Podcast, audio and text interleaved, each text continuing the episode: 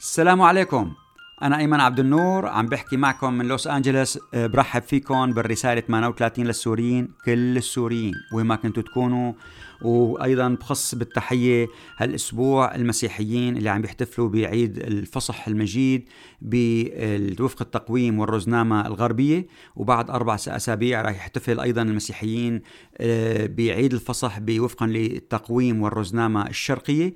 أيضا المسلمين عم بي آه، يعني الآن عم ينتظروا قدوم شهر رمضان المبارك اللي كمان وفق التقويم والرزنامه الهجرية.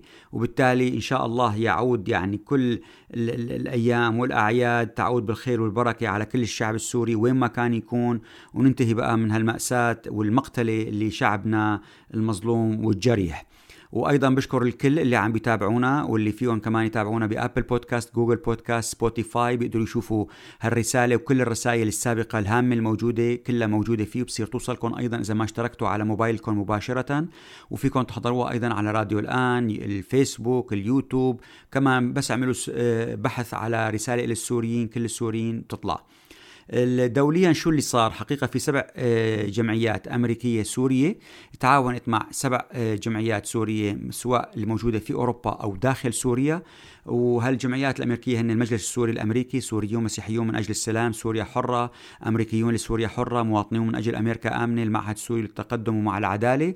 وطالبوا عملوا مقاربة جديدة بسبب إنه آخر شهرين النظام السوري أكثر حقيقة من الضغط والطلب من الناس يعني اللي يعني قريبين من فكره أو اللي مؤيدين له ورجال الدين اللي هن كمان موجودين داخل دمشق بالتالي يخضعون لنفوذه إنه يرسلوا رسائل لزعماء الدول والأمم المتحدة يطالبوها فيها برفع العقوبات بما أسماه عن الشعب السوري وما يتعرض له نتيجة العقوبات. ورغم أنه رئيس النظام نفسه قبل حوالي كمان شهرين ذكر أنه سبب العقو... سبب الانهيار الاقتصادي هو يعود إلى الانهيار المصارف في لبنان التي أضاعت بحدود ال 20 ل 30 مليار دولار على النظام السوري ومن كان يعمل معه من رجال الأعمال. وبالتالي ليس آه، قانون قيصر. لكن مع ذلك آه، ما زال المؤيدون له يرسلون تلك الرسائل. لذلك أتت هذه الرسالة من هال 14 جمعية مقاربتها مختلف. فهي عكست الأمر وطلبت منه هو من رئيس النظام إنه يرفع العقوبات المفروضة عن سوريا لأنه هي قالت وفق نص الرسالة إنه هو الذي يمتلك مفاتيح إنهاء كل العقوبات المفروضة على النظام السوري وعلى آه، من كل دول العالم والأمم المتحدة إذا ما التزم بالعملية السياسية وتسريع عمل اللجنة الدستورية وفق قرار مجلس الأمن الدولي 2254 وأضافت الرسالة إنه إذا افعاله بتصعيد العنف ضد السوريين لغاها بيكون بقى ألغى عديد من المبررات وبالتالي كل السوريين في كل دول العالم ليس لأحدهم مصلحة أن يكون هناك أي عقوبة تمس بالنهاية شعبنا وأهلنا وجيراننا وزملائنا في العمل السوريين في أي مكان وحتى داخل مناطق النظام. لذلك كانت الرسالة جديدة في طريقة طرحها. أيضا آه، تم انعقاد مؤتمر حقيقة الدول المانحة بخصوص آه، معالجة التأمين التمويل اللازم للاجئين السوريين في الدول دول اللجوء وجرى في بروكسل في بلجيكا. كان المنظمين يسعون لجمع مبلغ 10 مليار دولار لكن آه، ما قدروا جابوا غير أربعة ونص تقريبا مليار. وفي بعض الدول أعلنت أنه ممكن تلتزم بمليارين للعام المقبل. وقدمت بعض المؤسسات المالية والمصارف 7 مليارات على أساس أنه تقدمها كقروض ميسرة وليس كهبات هلأ اللي صار أنه المبالغ هي ما بتروح مباشرة للدول اللي هي مثلا فيها آه، لاجئين سوريين مثل لبنان أو الأردن بل لازم يكون في مشاريع وتنطبق على شروط المانحين لحتى تقدر تسحبها تلك الدول. هلا النقطة في واحد بيقول هي مبالغ كبيرة. المشكلة خلينا خلينا نقول هذا هو الالتزام هو غير رسمي بمعنى أنه يمكن للدولة صاحبة ذلك الالتزام أن تقول أنها خفضت. مثلا إذا كانت ملتزمة ب 600 مليون دولار ممكن تأمن تدفع 400 أو 300 أو 250 فبالتالي الرقم النهائي ما بنقدر نعرفه لبعد ما تسدد كل تلك الدول المبالغ التي ترى في النهاية أنها سوف تسددها. هلأ المبالغ اللي اللي كيف بدها توزع المبلغ الأكبر بده يروح للأمم المتحدة واللجنه الدوليه للصليب الأحمر اللي بده تدخلها لمناطق النظام اللي هي بحدود 1.2 مليار دولار و350 مليون رح تروح لمناطق الإدارة الذاتية و650 مليون دولار لحصة المناطق تحت المعارضة السورية. وبتستخدم طبعا في جزء منها غذائي وطبي ومياه وتعليم وتوعية وجزء صغير بيروح لمشاريع دعم الاستقرار. أيضا في صار كمان آه، تصريحات ومحاضره لوزير الخارجية الروسي سيرجي لافروف آه، بمؤتمر فالداي قال إنه القرار الدولي 2254 ما في نص بيقول إنه الانتخابات الرئاسية لا يمكن أن تجري إلا وفق الدستور الجديد. اللي لسه ما صاغ ومتأمل إنه اللجنه الدستوريه تتفق عليه وبالتالي يعني هو أعلن إنه روسيا موافقة خلافا لأوروبا وأمريكا أن الرئاسات إن أن انتخابات الرئاسة يمكن أن تجري على دستور 2012 لكن آه، حكى جملة خطيرة وقت اللي قال إنه مخاطر الوضع القائم حاليا في سوريا في احتمال جدي لتفكك الدولة. وهذا حكي كبير إنه يصدر من وزير خارجية روسيا، لكن أضاف إنه الأزمة حاليا هي حالة مجمدة، وبالتالي مناطق الصراع ما في صراع كبير عسكري ولا في مناطق تنازع نفوذ بين المناطق المختلفة. وأيضا انتهى بإنه انتقد موقف الولايات المتحدة من مؤتمر اللاجئين اللي رعته روسيا في دمشق نهايه العام الفائت، وهذا المؤتمر اللي صار في بروكسل وقال إنه أنتم ليش ما عزمتوا بهذا المؤتمر حكومة النظام السوري لأنه هذا مخالف للقانون الدولي. هلأ في ردة حقيقة منظمات حقوقية روسية وهذا لأول مرة على التصريحات والموقف الروسي الرسمي. وأصدرت تقرير آه، أنه ذكرت فيه أنه الانتهاكات اللي عم بتتم بسوريا هي كتير كبيرة. وإنه الحقيقة الروس عندهم دور عم بيلعبوه كبير في سوريا في إبقاء النظام في السلطة. لذلك طلبت تلك المنظمات اللي هي أربع منظمات ومنهم منظمة الكبيرة هي ميموريا للذاكره قالت نحن نحث السلطات على استخدام التأثير على السلطات السورية لإنهاء الاعتقالات التعسفية والتعذيب والمعاملة المهينة في السجون والقتل خارج نطاق القضاء. وبالتالي انتقلت القضية السورية لتصبح مسار جدل داخلي الآن في روسيا بين الحكومة وبين منظمات حقوق الإنسان. وزير الخارجية الأمريكي بلينكن أنتوني بلينكن آه، طلب بترأسه لمجلس الأمن الدولي أنه يكون في فتح حقيقة لمعبرين إضافيين غير المعبر الحالي إضافة باب الهوى. يفتحوا معبر باب السلامة مع تركيا ومعبر اليعروبية مع العراق وبالتالي بيتحسن وضع الناس اللي هناك وبتوصل المساعدات الدولية لمستحقيقها مستحقينها. وقال أنه في تلتين السوريين بحاجة للمساعدات الإنسانية و60% من السوريين هن معرضين لخطر الجوع.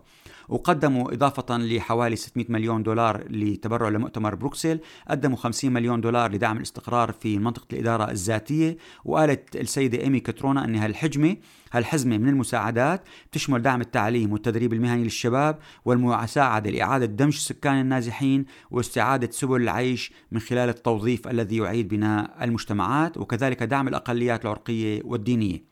الاتحاد الأوروبي من جانبه كتبوا وزراء خارجية 18 دولة أوروبية مقال ونشرته عديد من الصحف. حقيقة كان واضح تماما اللي بالخطاب تبعه. قال لن نظل صامتين في وجه الفظائع التي حدثت في سوريا والتي يتحمل النظام وداعموه الخارجيون مسؤوليتها الأساسية. وقد ترقى العديد من هذه الجرائم إلى جرائم حرب وجرائم ضد الإنسانية وتقع على عاتق الجميع مسؤولية محاربة الإفلات من العقاب والمطالبة بالمساءلة عن الجرائم المرتكبة في سوريا بغض النظر عن الجاني سواء النظام أو غيره من الفصائل التي تحمل السلاح. وقالوا إنها مسألة انصاف للضحايا نظرا لخطورة الجرائم. ونحن نواصل يعني وزراء خارجية 18 دولة أوروبية قال نحن نواصل المطالبة بالسماح للمحكمة الجنائية الدولية بالتحقيق في الجرائم المزعومة في سوريا ومحاكمة الجنات. وقال من الأهمية بمكان أن يتم إنهاء هذه الانتهاكات التي تم توثيقها بشكل شامل على الفور. وقالوا نحن مصممون أيضا على تطبيق جميع المعايير الدولية لحماية حقوق جميع السوريين. وبالتالي يعني كانت رسالة واضحة. أيضا بالنسبة للداخل في سوريا النظام حقيقة هيئة مكافحة الأموال وتمويل تمويل الإرهاب أصدرت آه، مثل آه، يعني كتيب بتضمن أسماء 700 شخصية ومؤسسة سواء عربية أو سورية أو دولية أنه هي هي آه، بده تدعم الإرهاب أو تمويله أو هدول إرهابيين لمساندتهم المعارضة السورية. وحقيقة قائمة طويلة جدا يعني فيها مثل الرئيس التركي رجب طيب أردوغان والسيد أحمد داود أوغلو.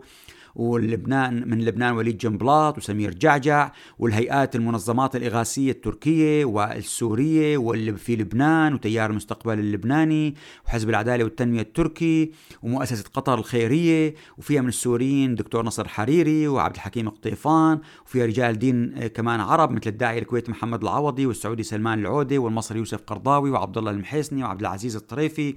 وحتى كان في الأمين عام هيئة العلماء المسلمين حارث الضاري اللي متوفي من ست سنين كمان كمان حطوا اسمه وحطوا اسم منظمات أمريكية تعمل مع وزارة الخارجية الأمريكية في دعم المنظمات المجتمع يعني المجتمع المدني اللي هي فروع لمنظمات دولية سورية تعمل مع المعارضة وتساعدها. وبالتالي يعني حقيقة يعني نحن سألنا أنه شو الهدف؟ يعني ما حدا راح ينفذ هالقضايا هي. قال لا بدك تنتبه أنه اللي هن إذا أخذوا قرارات بالمحاكم رح يحولوهم لمحكمة الإرهاب وبالتالي ببلغوها للانتربول وفي بعض الدول ممكن ترد عليهم وبالتالي هالأسماء أو الشركات رح تتلبك سواء في البنوك سواء في السفر للحصول على فيزا سواء لجرأتها في السفر والتعامل مع يعني مع المعارضين السوريين فبالتالي بدها تلبكهم وتستهلك جهدهم وتضيع لهم وقتهم بهالقضايا وحل هالإشكالات هي بدل ما يكون كل الوقت مخصص لدعم المعارضة والمنظمات المعارضة. هلأ بالأردن حقيقة طلبوا من السيدة حسناء منوخ الحريري ورأفت سليمان السلخدي إنه يغادروا الأردن خلال 14 يوم. أنا اتصلت مع عدة مرات مع عدد من الشخصيات أيضا الفاعله في الجالية السورية في أمريكا ونفت بشكل قاطع كل هالاشاعات والفبركات إنه هي أو أحد أبناء خاصة ابن المريض لهم أي علاقة مالية أو عمل مالي أو يعني أي تبادل نقدي مالي مع أي جهة أو داخل الأردن أو خارج الأردن. كما أنه ما عندهم أي علاقة أو تواصل لا اتصال هاتفي ولا بأي طريقة ما كان مع المنظمات المتطرفة أو الإرهابية أو الجهادية. فكمان نفت بشكل كل ذلك كاملا هي وأولادها كلهم اللي معها يعني هي معت من أيضا يعني أشخاص فعددهم تسعة وما عندهم الآن جوازات سفر جديدة. الائتلاف حقيقة أصدر شيء مهم اللي هو ميثاق الثورة السورية لحقوق الإنسان والحريات العامة ب 35 صفحة ويحتاج إلى آه، يعني وفقا لرأي قيادة الائتلاف أنه مفتوح وهو بالتالي ليس نص ناجز مغلق مفتوح لأي تطوير ولأي تعليق مهم وخاصة أنه في مواد حقيقة يعني يفترض أن تكون في الدستور السوري المستقبلي وبالتالي كأنه هن وضعوا ضوابط لحركة اللجنة الدستورية لأنه خلص ضبطوها ضمن أنه ما تقدر تطلع برات هذه الضوابط اللي في أي آه، اتفاق ممكن يصدر لاحقا بداخل اللجنة الدستورية مع نظراء من القادمين من مناطق النظام. فأيضا هذا كمان وثيقة مهمة.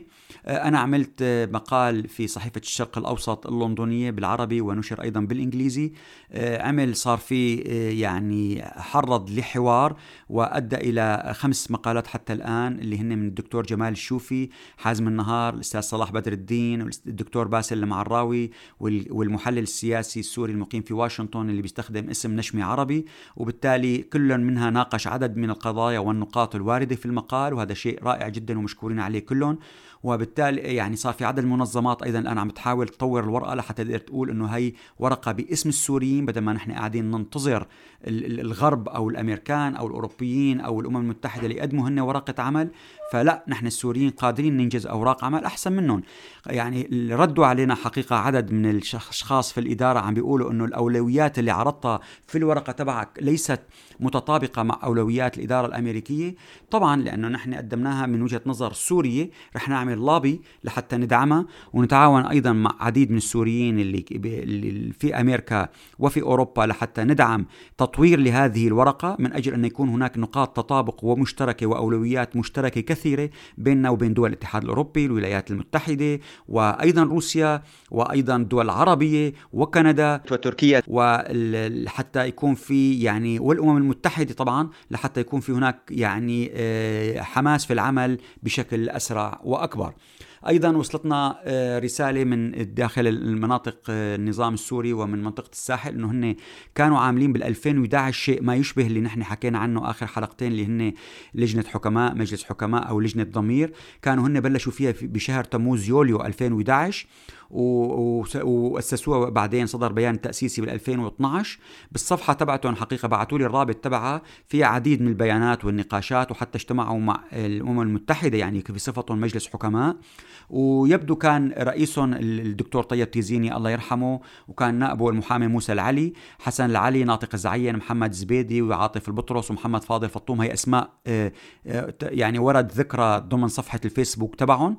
لكن هن مقاربتهم مختلفة عن المقاربة. تبعنا نحن فيكم تروحوا للتصويت وعم بتشوفوا الأسماء آه، على التليجرام بس اعملوا search على اسمي بتطلع. في ناس رشحت أسماء مثل عبد الرحيم سنقر القاضي حسين حمادي السفير بسام العمادي والدة عبد الباسط ساروت اللاعب جهاد الحسين نضال شعار ماهر شرف الدين موفقات العميد أحمد رحال برهان غليون ياسين الحمد برهان غل... آه، ميشيل كيلو جورج صبرا اللواء محمود السعودي أحمد رحال ومن السيدات فرح الأتاسي لينا وفائي مرسيل شحوارو سيما نصار خولة دنيا هيما اليوسف مزنة دريد غنى الشمري لبنى قنواتي سلمى كحالة سلوى زكزك رويدة كنعان مريم حلاء ومن المثقفين حازم نهار ياسين حج صالح مصطفى خليفة والأخ مشعل عدوي المستشار محمد أمين الحريري الكويت عمار شهاب إياد الزعبي السيد بسام قوتلي الدكتور محمد كتوب. بالتالي في عشرات الأسماء ممكن تشوفوها وتتابعوا وأنتم أيضا تضعوا الأسماء اللي أنتم بدكم إياهم وخاصة في ناس عم تقول كمان لازم يكون من مناطق المحرر. هلا الحلقة الماضية حكيت كيف أنه النظام الآن بدأ يفقد المازوت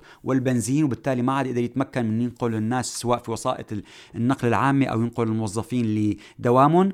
وفعلا مثل ما أنا توقعت وحكينا في الأسبوع الفائت إذا بترجعوا له بتشوفوا قلت رح يغلقوا مؤسسات الخدمات ورح يغلقوا الدولة ورح يغلقوا المدارس. وفعلا وزارة التربية أغلقت الصفوف من الصف الأول للثامن التعليم العالي أغلقت الجامعات والمعاهد التعليم المتوسط وزارة السياحة أغلقت المديريات والأنشطة غير الضرورية رئيس الوزراء عمل تعميم وأغلق كل الوزارات وبعض الأنشطة الغير ضرورية لحديد 15 نيسان أبريل وبالتالي وضع نظام جدا جدا جدا سيء. هذا يجب أن نعترف فيه وبالتالي الوضع يعني مأساوي عندهم. العرب هن وفقا لتقرير راديو السويد بس آه، قال إنه العرب في السويد عددهم صار 600 ألف بشكلوا 6% من السويديين. حزروا مين أكثر جاليتين. السورية والعراقية. صحيح الجالية السورية عم بيقول تخطط خلال السنوات الأخيرة 170 ألف سوري صار عددها يعني هي الرقم واحد. بيجي بعدها العراقية 150 ألف. طبعا هن من من مشارب وأطياف وآراء سياسية مختلفة. وبالتالي أيضا الجالية العربية في السويد مؤملة دور كبير. الرئيس الأمريكي السابق باراك أوباما وزوجته ميشيل أوباما عاملين برنامج رمضاني ببث على حلقات آه، أثناء رمضان عبر البودكاست ومسمينه أرضية أعلى. أخبريهم من أكون. يسمعون بيعملوا فيه لقاءات على Spotify مع فنانين وممثلين ومؤدين ونشطاء ورياضيين ومشهورين مسلمين في أمريكا بيحكوا معهم عن شو آه، قضاياهم الإنسانية وكيف بيعملوا رمضان وكيف أثر بحياتهم وكيف وجودهم كمسلمين في بأمريكا. يعني آه، هل له فارق عن وجودهم كمسلمين في الدول العربية أو دول آه، أوروبية؟ وبيكون نقاش من الرئيس وزوجته مباشرة كمان ممكن أنتم تتابعوه فبيكون شيء حلو. الناجحون حقيقة رفعت راسنا الدكتورة أماني بلور الدكتورة الطبيبة البطلة اللي كمان حضرت جلسة مجلس الأمن الدولي كمدعوة لسوريا كي تحكي عن سوريا وفيكم تحضروا الفيديو تبعها وفيكم تعملوا ترجمة بالعربي موجودة على اليوتيوب كمان بنقلها يعني بترفع الراس. والسوريا نبال ملشي حقيقة عملت يوتيوب جميل جدا بتأدي فيه وبتغني شيء ما يشبه صوت شادية وفعلا شيء صوتها جدا جميل كمان ممكن تبحثوا عن اسمها باليوتيوب وبتلاقوه فكمان هذا شيء جميل. وبنقول لكم أنا اليوم عم سجل يوم الأحد فالتنين والثلاثه آه، إذا صار شيء مهم وأنا ما حكيت عنه بهالبودكاست لأن اللي راح بس يوم الاربعاء فمعناتها أنا لأنه أنا سجلت قبل حدوث الأخبار يوم الاثنين ويوم الثلاثاء بالتالي بدخلهم بالبودكاست تبع الأسبوع المقبل وبحكي عنهم. شكرا جزيلا لكم جميعا.